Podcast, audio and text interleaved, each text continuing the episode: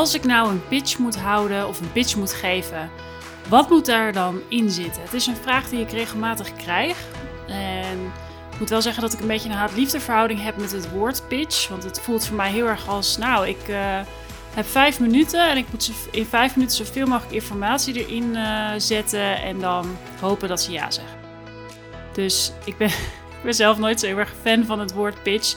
Ik ga in deze podcast aflevering dus even vanuit dat je bedoelt dat je in een situatie zit dat je iemand, dat je bij iemand een kortere tijd de tijd krijgt om je verhaal te doen. Dat het een soort van eerste, ja, eerst contactmoment met jou is. Dat ze jou nog niet zo goed kennen, dat je nog geen business met ze doet. Want als je al business met mensen doet, dan hoef je niet iets te pitchen, toch? Nou ja, zo lijkt me dat dan. Dus zo heb ik deze aflevering in ieder geval ingestoken. Dus het kan zijn dat je op zoek bent naar een investeerder. Het kan zijn dat je een eerste gesprek hebt bij een, uh, een afnemer, hè, dus bij een uh, retailer of bij een foodservicebedrijf. Dat soort situaties. Nou, en wat goed is om te weten is dat mensen die met mij werken, die krijgen daar een checklist voor. Dus ik heb daar een checklist voor van, nou, wat voor dingen moeten in je pitch zitten, maar ook vooral hoe bereid je dat nou voor en waar moet je rekening mee houden. En nou ja, ik wil niet het hele, de hele faal hier in deze podcast met jullie delen, maar ik wil gewoon een aantal dingen aanstippen waarvan ik weet dat dat bij bijna iedereen die bij mij komt nog wat beter kan. En ja, het lijkt me inspirerend om dat eens met jullie te delen. En ook omdat ik de vraag regelmatig krijg om even een beeld te geven in hoe mijn hoofd dan werkt. Dat vind ik zelf ook altijd heel leuk aan podcasts van anderen. Nou, allereerst is het belangrijk om goed over na te denken. En dat zie ik nog wel eens wat beter kan. Is dat je goed nadenkt wie je tegenover je hebt zitten. Dus daarom geloof ik ook niet zo in één pitch. Uh, ik ben wel een voorstander van een goede basis voor een pitch. Dus dat je een basis uitgangspunt hebt die je aanpast naar gelang, je wie, die, naar gelang wie je tegenover je hebt. Dus ik zal een voorbeeld geven. Stel jij hebt iets nieuws te brengen en je hebt drie, vier potentiële af, afzetmarkten en je gaat voor één presenteren, dat je die wel persoonlijk maakt. Maar dat betekent niet dat je voor afnemer twee helemaal een nieuw verhaal hoeft te bouwen waarschijnlijk. Dus dat is ook altijd wat ik met mijn klanten doe, is dat we één iemand als uitgangspunt nemen, één bedrijf, en dat we dan die makkelijk aan te passen maken. Maar wat zijn dan dingen waar je aan moet denken als je, degene de, als je denkt aan de persoon die tegenover je zit? Nou, wat heel erg belangrijk is, is dat je je presentatie ook zo opbouwt dat je de ander echt iets komt brengen. En wat ik vaak zie, is dat we eerst beginnen met allemaal sheets over ons verhaal, waarom we dit gestart zijn, onze passie. En daar is op zich niet zoveel mis mee. Maar ik vind het ook altijd heel erg belangrijk dat je het vooral het verhaal maakt naar degene die tegenover je zit. Dus wat kom je brengen? Welke kansen speel jij op in? Waarom moet die persoon sowieso met jou in zee gaan? Of, hè, dus, dus dat is een hele andere manier van insteken. En ik weet nog dat ik ooit een manager had die dat tegen mij zei, of het was een collega. Ja, what's in it for them? Dus wat, wat, wat is, welke winst is er voor hun uit te halen? En vergeet dat niet als je een presentatie opbouwt, of dat nou een, een, een PowerPoint is of een andere tool, of dat je het verhaal vertelt. Maar dat al vrij snel in je verhalen voorkomt van... hé, hey, ik heb jou echt even iets geweldigs te brengen... en blijf vooral ook de aandacht houden. Hè? Dus dat is heel erg belangrijk. Dus dat is e-, een van de dingen waarvan ik zeg, ga je ook echt verdiepen in de ander. Dus um, nou ja, als je het dan hebt over retailers, lees een FWO-rapport, lees recente persberichten, loop weer eens door wat winkels heen, dat je echt weet waar je het over hebt. Um, ik heb zelf ook wel eens de fout gemaakt dat niet te hebben gedaan toen ik nog uh, een stuk jonger was. En dat ik dacht dat ik wel goed genoeg op de hoogte was. En toen hadden ze recent net wat nieuwe dingen in de winkel doorgevoerd. Was niet zo heel erg handig. Dus weet je, zorg dat je dat goed doet. Dat je op de hoogte bent van wat er speelt. En een ander ding wat ik voorbij zie komen is dat het echt heel erg belangrijk is dat je wel geloofwaardig en betrouwbaar overkomt. En ik zal er een paar voorbeelden van noemen. Nou, één is dat jij ook heel erg hebt nagedacht: oké, met welk team doen wij dit nou? Dus um, nou ja, het zou best kunnen dat als je een nieuw bedrijf start, dat je nog niet met zoveel mensen bent, maar dat je wellicht met een aantal partnerships werkt. Nou, dan is het ook heel handig om dat aan te geven. Dus dat je bijvoorbeeld als je een logistieke stroom hebt met een partij werkt die als heel erg betrouwbaar wordt gezien, of die al zaken doet met degene waar jij je product wil verkopen. Dat zijn allemaal zaken die jou betrouwbaarder en geloofwaardiger maken. Zo heb ik ook wel eens een presentatie van iemand gezien. Dat was overigens geen klant van mij. Maar die, die noemde echt getallen die echt niet kloppen. En ja, dat is gewoon niet handig. Zeker als je voor een retailer staat die heel erg van de cijfers is. Ja, dan uh, sta je gewoon 10 achter. En uh, je mag best uh, positief en optimistisch zijn en natuurlijk een toekomstvisie hebben. En je weet ook niet altijd alles. Dat is helemaal logisch. Maar bijvoorbeeld dingen roepen als zoveel procent van de samenleving is nu vegan en het is echt vijf, vijf keer minder. Dat is gewoon niet zo handig. Dat is het voorbeeld wat ik wilde noemen. Ja, wat zijn andere dingen die ik voorbij zie komen? Belangrijk is dat je echt nadenkt over de toekomst. Dus dat je niet alleen bezig bent met dit is wat ik nu voor elkaar wil krijgen. Nee, wat ga je in de toekomst voor jou, uh, de klant die je wil binnenhalen of de investeerder die je wil binnenhalen, welk toekomstperspectief kan je ze geven? Uh, misschien kan je ook wel nadenken over scenario's. Dan heb ik het weer even over investeerders, waarbij je nadenkt over: oké, in de meest ideale situatie, hoeveel geld heb ik dan nodig en wat kan ik dan bereiken? En ik weet nog dat ik op een gegeven moment een klant had en dan waren we heel erg met één scenario bezig. Maar dat ik op een gegeven moment ook zei: maar wat nou als we één persoon, een fulltime persoon extra hebben en die gaan we hier opzetten? Wat levert het ons dan op? En zo hadden we ineens drie scenario's. En dan heb je natuurlijk een heel ander uitgangspunt op een gegeven moment in je gesprek, omdat je ook kan laten zien van ja, maar dit levert het ook echt op. Dus dat is nog een ander voorbeeld. En een van de belangrijkste dingen die ik ook heel erg belangrijk vind in jouw pitch is dat je er eigenlijk wel klaar voor bent. En wat ik daarmee bedoel is dat ik het nog wel eens voorbij zie komen. Het is natuurlijk altijd, het licht genuanceerd, hè? wanneer ben je er echt klaar voor? Maar als jij je product wil listen bij een retailer en je hebt eigenlijk weet je nog helemaal niet of je het aan kan. Ja, hoe betrouwbaar ben je dan weer? Hè? Dat, daar, daar begon ik net eigenlijk over. Maar het is gewoon heel erg belangrijk dat jij de volumes aan kan. Dat je de bestelsystemen in place hebt. Dus dat hoef je niet altijd zelf te doen. Daar kan je ook een partner in vinden. Maar dat je weet dat het allemaal goed loopt. Dat de verpakkingen er op tijd zijn. En dat je dus echt klaar daarvoor bent. Dat je merk geregistreerd is als je met een merk te maken hebt. Dat je hebt nagedacht over je team. Um, hoe je in de toekomst de groei ook kan, kan borgen. Ja, dat is gewoon ontzettend belangrijk. En dat is iets wat je ook al in je pitch naar voren kan laten komen. Doordat je gewoon hebt nagedacht over, nou, hoe moet mijn team eruit zien?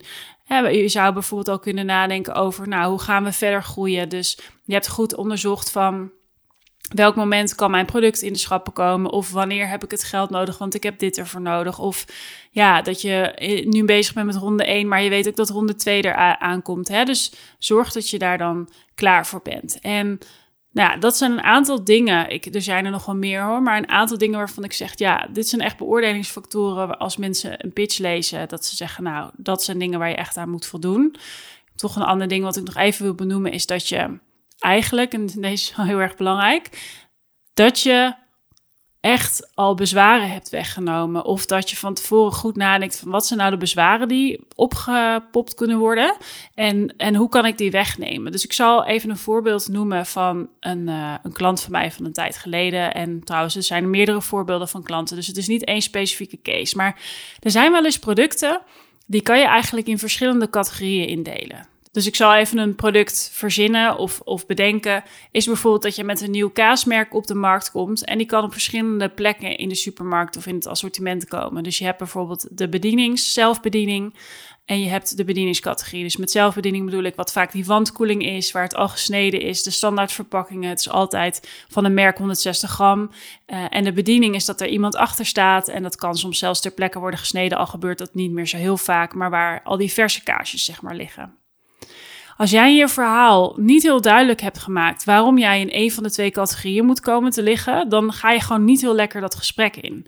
Want het zou ook nog eens zo kunnen zijn, dus zal ik even naar een ander voorbeeld gaan, is dat jouw product bijvoorbeeld als convenience product gezien kan worden, dus bij de maaltijden en in een andere categorie in de supermarkt. En nou is het net zo dat de persoon die verantwoordelijk is voor convenience, voor de gemaksproducten, voor de maaltijden, iemand anders is dan die andere categorie. En nou zijn er echt meerdere bedrijven te noemen waar je bij de ene category manager aankomt en dat diegene zegt: Ja, maar je moet bij mijn collega zijn. Dit valt niet in mijn categorie. En dan kom je bij die andere collega en die stuurt je weer terug. Maar wat je eigenlijk wil, is dat jouw verhaal zo sterk is dat jij niet verwezen kan worden naar iemand anders. Want jij hebt gewoon je onderzoek gedaan, je hebt een goed verhaal, je weet waarom uh, jouw product in dit schap moet komen, in deze categorie. En dat ga jij uitleggen. En je gaat ook uitleggen waarom die persoon helemaal niet nee wil zeggen, want die ziet het als een fantastische kans. En hè, jij hebt een goed verhaal dat je niet alleen groei komt brengen omdat jij gewoon graag je product wil verkopen. Nee, jij komt groei brengen voor die hele categorie. Want er zijn een aantal factoren waar je dan aan kan voldoen. Nou ja, dat hangt even van jouw situatie af. Dus nou ja, goed, dat voert te ver om nu in de podcast te vertellen. Maar denk bijvoorbeeld aan dat jij echt nieuwe shoppers aantrekt. Dus nieuwe kopers die nog helemaal niet bediend worden in dat schap. Zo zijn er nog andere voorbeelden. Dus het is echt heel erg belangrijk om dat scherp te hebben. En goed na te denken over: oké, in dit schap wil ik komen. En ik, kom, ik, ik heb een heel goed verhaal waarom het in dit schap moet komen en wat het komt brengen. Super belangrijk. Nou, en dan een aantal dingen die wat mij betreft, want dit het heel erg in de, hè, in, in hoe pak je dit aan en wat is belangrijk? En, en als je meer met een helikopterview kijkt, maar als je het dan hebt over de inhoud, want die vraag krijg ik ook vaak. Ja, maar wat moet er dan allemaal in zitten? En moet het dan niet heel lang zijn? Ja, dat ligt allemaal heel erg genuanceerd. Het ligt ook heel erg van jou als persoon af. Er zijn mensen die gewoon supergoed kunnen vertellen en daar moeten misschien niet heel veel sheets bij. Al vind ik wel dat het altijd heel erg ondersteunend werkt. Dus zorg ook dat je het dan visueel maakt en niet alles puntsgewijs uitschrijft. Maar een aantal dingen, als ik gewoon even kijk naar de afgelopen jaren van dingen waarvan ik denk, oh ja, dat, dat kon sowieso wel vaak beter. En die zal ik nu gewoon benoemen. Is bijvoorbeeld echt jouw passie, jouw missie, waarom je dit bedrijf hebt bedacht. En heel vaak kan je dat heel goed mondeling vertellen. Alleen dan is dus mijn vraag, ja, als je maar een paar minuten de tijd krijgt en misschien moet die persoon het weer intern doorsturen. Zorg dan dat in de presentatie heel duidelijk is waarom jij het hebt bedacht en maak het persoonlijk. En Um, dat kan over jezelf zijn, of dat je bijvoorbeeld uh, een keer ergens was, en, eh, of dat uh, je, je geïnspireerd bent door je nichtje. Het maakt niet uit. Maar zorg dat je het persoonlijk maakt, want dat helpt gewoon enorm. Want ja, uiteindelijk kopen mensen altijd van mensen. Ook voor category managers en inkopers. Kijk, uiteindelijk gaat het ook gewoon om de euro's. Ben ik ook gewoon eerlijk in. Maar als jij echt een bepaald geloof en een, en een, ja, een missie hebt en dat heel goed over kan brengen, ja, dat is gewoon echt heel erg fijn. En een ander ding is dat jij heel erg goed hebt nagedacht over je positionering. Ehm, wat ik daarmee bedoel, want dat is nog wel, vind ik altijd wel een interessante. Wat ik bedoel met positionering is eigenlijk, ja, welke positie neem jij dus in, in die categorie? Dus is het helemaal duidelijk wat ik net als voorbeeld gaf in welke categorie je hoort te vallen. Dus is dat convenience, is dat een anderschap, maar dus ook onder welk prijspunt en bij welke merken of bij welke private label producten hoor jij te liggen? Waar gaat iemand jullie vinden? Heb je al een idee welke producten in het schap minder presteren? Welke innovaties er de afgelopen tijd zijn geweest? En dat je op die manier een hele heldere positionering hebt. Want wat ik heel vaak zie gebeuren, is dat bedrijven zich heel erg richten op: oké, hoe kijkt de consument of degene, de shopper, dus degene die het uiteindelijk koopt, naar mijn product? Maar wat ik dus heel erg doe, is ook kijken hoe kijkt de retailer of hoe kijkt de persoon van food service of quick service, whoever je tegen je over je hebt, hoe kijkt die naar de categorie? Want dat is echt een wezenlijk verschil. Het is namelijk echt wel anders als ik met, uh, nou ja, met vrienden heb over, nou, waarom koop jij de Beyond Meat Burger? En hè, die, kijkt, die geeft dan een ander antwoord dan dat een retailer dat zou doen. Een stukje zal best overlappend zijn in de zin dat, nou, dat veel mensen die nog veel vlees eten, over het algemeen de Beyond Meat Burger best wel veel op vlees vinden lijken. En uh, dat daarom mensen het kopen. Maar een retailer zal ook benoemen dat het een bedrijf is die gewoon heel erg veel investeert in het merk, die echt een ander verhaal komt vertellen. Nou, weet je, dus die, die kijkt voor naar andere dingen. Dus wat is jouw positionering? Hoe ga jij jouw klant helpen om die hele categorie te laten groeien? En dan kom ik weer even terug op een podcast die ik laatst opnam over wat maakt jou de beste leverancier die je kan zijn, is dat jij durft na te denken over hoe jij de hele categorie laat groeien. Dus wat jij bijdraagt aan de hele groep producten. Want waar we heel goed in zijn, is ons verhaal vertellen vanuit ons perspectief. Maar het belangrijke is ook dat je gaat nadenken: hoe draag ik bij aan het geheel? En dan in dit voorbeeld richt ik natuurlijk meer op als jij praat uh, tegenover een retailer bijvoorbeeld, maar ook voor investeerders. Hoe draag jij bij aan het, aan het portfolio van jouw uh, potentiële investeerder? Heb je je goed verdiept in waar ze nu al in investeren en waar, ja, waar misschien nog een gat ligt? Want heel eerlijk, eigenlijk bijna altijd als ik met bedrijven praat, kan dat beter. Dus ik help je daar ook heel graag bij. Um, maar het is gewoon wel echt, daar liggen nog zoveel kansen. En nou, ik wil naar de laatste element gaan, want ja, ik heb hier een hele lijst voor en ik kan ze niet allemaal dat, uh, benoemen. Maar een hele belangrijke is dat je echt heel duidelijk hebt what's in it for them en dan in één sheet. Dus gewoon in één sheet, dit komen we brengen, dit levert het op, dit is de marge. Weet je, zeker als je tegenover een retailer zit, gewoon één sheet. Wat levert het op? Zoveel euro's. En ook wat doet het met de categorie? Maar ook als je naar investeerders kijkt, wat levert het op? Gewoon samenvattend. Want ik had het er vandaag nog met een klant over. Wel grappig. Ik dacht even dat hij uh, sarcastisch bedoelde. Maar hij zei: hebben die, hebben die inkopers en category managers zo weinig tijd dan? Dan krijgen die zoveel mails. Dus ik lachte het een beetje. En toen zei hij, ja, maar is dat echt zo dan? Ik zei, oh, ik dacht dat je sarcastisch was. Maar ja, die zijn ontzettend druk. Die krijgen heel veel e-mails. Die, hun hoofd zit helemaal vol, weet je. En dan kom jij ook ineens met je mailtje. Ja, die, dus, dus goed, dat is weer een hele andere podcast. Maar ja, het is dus heel belangrijk dat jij echt een samenvatting maakt van één sheet. Je kan ook de strategie bedenken om daar ook al mee te beginnen en mee te eindigen. Dat kan er ook een zijn.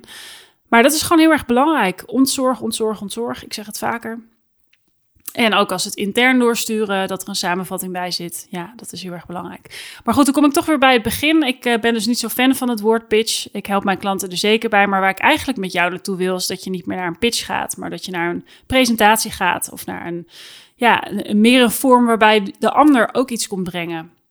En dat is misschien een beetje flauw, maar ja, ik vind de pitch altijd een stap één. En vervolgens wil je in gesprek raken en wil je met elkaar sparren en wil je ideeën opperen en dat de ander daar ook nog iets van vindt en dat je dan tot iets komt. Volgens mij is dat wat je wil. Hè, dat is ook waar, wat ik mijn klanten eigenlijk altijd uh, ja, teach, is dat het woord. Maar in ieder geval, kijk, ik wil gewoon dat jij uiteindelijk de beste wordt in jouw categorie. En een van de elementen in die, daarin is dat je echt een strategische samenwerkingspartner wordt. En ja, wil je voorbij die pitch gaan, wil je gewoon eigenlijk naar een samenwerking gaan. Dus ik zie de pitch altijd als stap 1. Geef ook niet altijd meteen alles weg, zeker niet per mail. Um, ja, dat, dat zie ik ook vaak gebeuren. Denk dan na hoe je het op zo'n manier kan doen dat het een beetje teasend is en dat je in het gesprek vervolgens nog wel wat te vertellen hebt en dat je niet al je munitie hebt weggegeven. Dus dat is ook heel belangrijk om over na te denken. Nou, ik uh, vond het weer een heel interessant onderwerp. En uh, nou, wat ik zei, het ligt, het ligt altijd wat genuanceerder. Ik heb hier een hele lijst voor me, een checklist uh, voor jouw pitch. Als je zegt, joh, ik wil eigenlijk daar wel wat meer over weten, stuur me dan even een DM. Dan kunnen we altijd eens even kijken of uh, dit iets is waar ik je bij kan helpen. En uh, dat je ook uh, met je bedrijf past in mijn portfolio. Want what's in it for me is dat ik plantaardig eten en drinken en ja, alles wat erbij hoort, de norm wil maken. Dus als jij daaraan bijdraagt, dan kan je me altijd een bericht sturen en kunnen we eens praten hoe ik je daarbij kan helpen.